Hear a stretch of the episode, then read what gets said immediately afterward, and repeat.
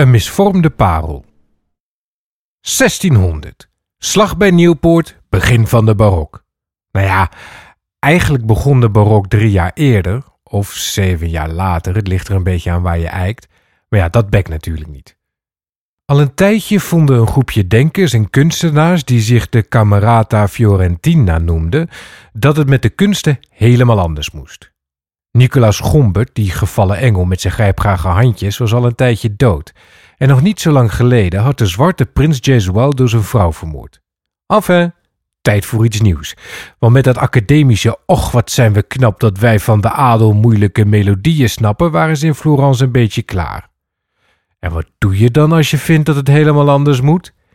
Kijken wat de Grieken ervan vonden, zoals ze dat in de middeleeuwen hadden gedaan en de Romeinen voor hen. De Grieken hadden van die toneelstukken, weet je wel, van die tragedieën met zang en dans. Konden we dat niet eens proberen?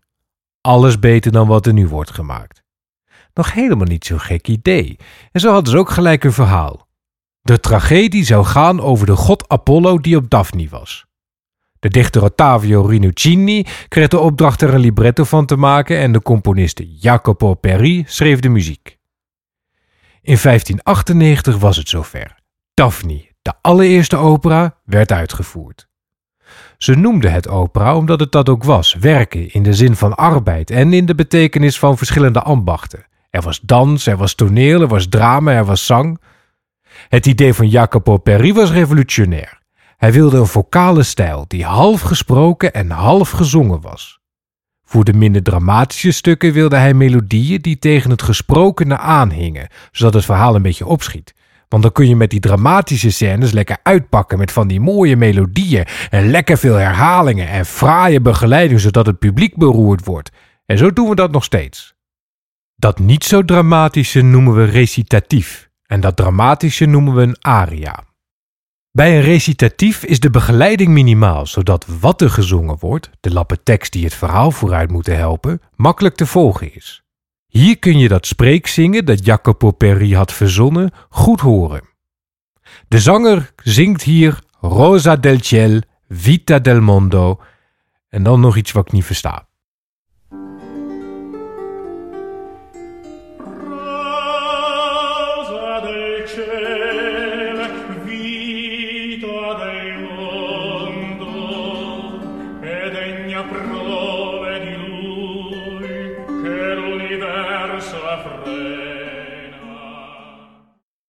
Als je dat vergelijkt met een aria, hoor je bij een aria meer instrumenten. Maar wat het meeste opvalt is dat de tekst veel meer geornamenteerd wordt. De zanger zingt hier Possente spirito e formidabel nome. En daar doet hij een stuk langer over dan ik het nu zeg.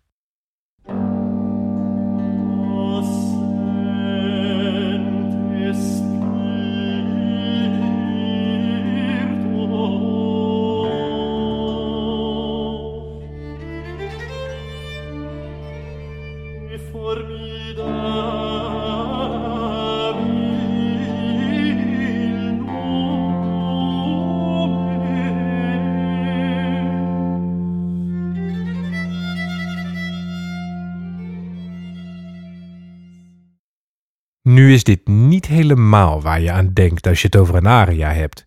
Dus ter vergelijking, een stukje van de aria Koningin van de Nacht uit die Zauberfleuten van Mozart, dat bijna 200 jaar later klonk. In die tijd was de aria een showstuk geworden voor de zanger of zangeres en dat hoor je hier heel goed.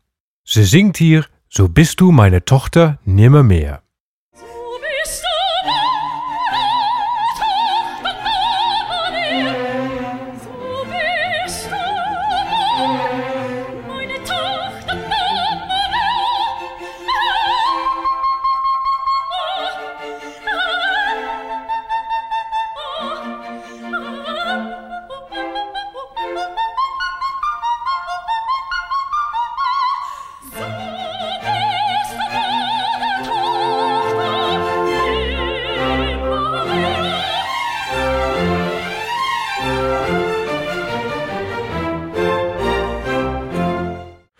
Daphne heeft geklonken, dat weten we niet, want die opera is niet bewaard gebleven. Maar zijn tweede opera, die hij in 1600 schreef, wel. En die is niet om aan te horen. Meneer was namelijk niet zo'n goede componist. De fantastische ingeving die hij had was niet meer dan dat. Maar zonder dat idee was de opera er niet geweest, dus ere wie ere toekomt. Jacopo Peri, creatore del melodramma.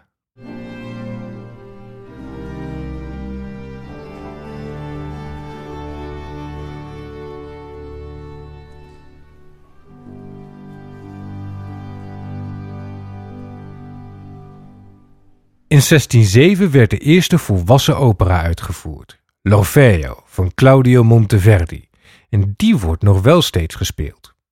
Sterker nog, de voorbeelden die je net hoorde komen allebei uit Orfeo. Monteverdi, dat was wat hoor. Met hem begint de barok echt. Voor die nieuwe stijl van de opera verzon hij ook maar gelijk het nieuwe set componeerregels, de seconda pratica. De prima pratica was de oude componeerstijl, met strenge regels die verlangden dat alle stemmen gelijkwaardig behandeld worden. De stijl van Gombert en van Gesualdo, dat gauwhoer uit de 16e eeuw. Maar Gesualdo was toch zo vooruitstrevend dat hij 300 jaar voorliep? Volgens 20e eeuwse componisten wel, en als je er met een modern oor naar luistert, zou het ook maar zo kunnen dat het in de 19e eeuw was geschreven. Maar ja, in 1600 wisten ze nog niet hoe de 19e eeuw zou klinken. In 1600 was Monteverdi nieuw en anders, en dat vond niet iedereen een succes. De dichter Giarini schrijft in een brief dat hij veel liever de oude stijl hoort dan die nieuwe, want Gesualdo is zo ver verwijderd van de scherpte van Monteverdi. Monteverdi bleef rustig prima pratica componeren als hij dat nodig vond. En dat kon hij prachtig, maar echt tot zijn recht kwam hij in de seconda pratica. Kijk, in de prima pratica diende de tekst de harmonie. In de seconda pratica dient de harmonie de tekst. Dus vindt de seconda pratica, als het nodig is om met alle harmonieregels te breken om de tekst maximale impact te geven, dan doe je dat. Laat de adel hun spielerij houden, de seconda pratica was voor de gewone man.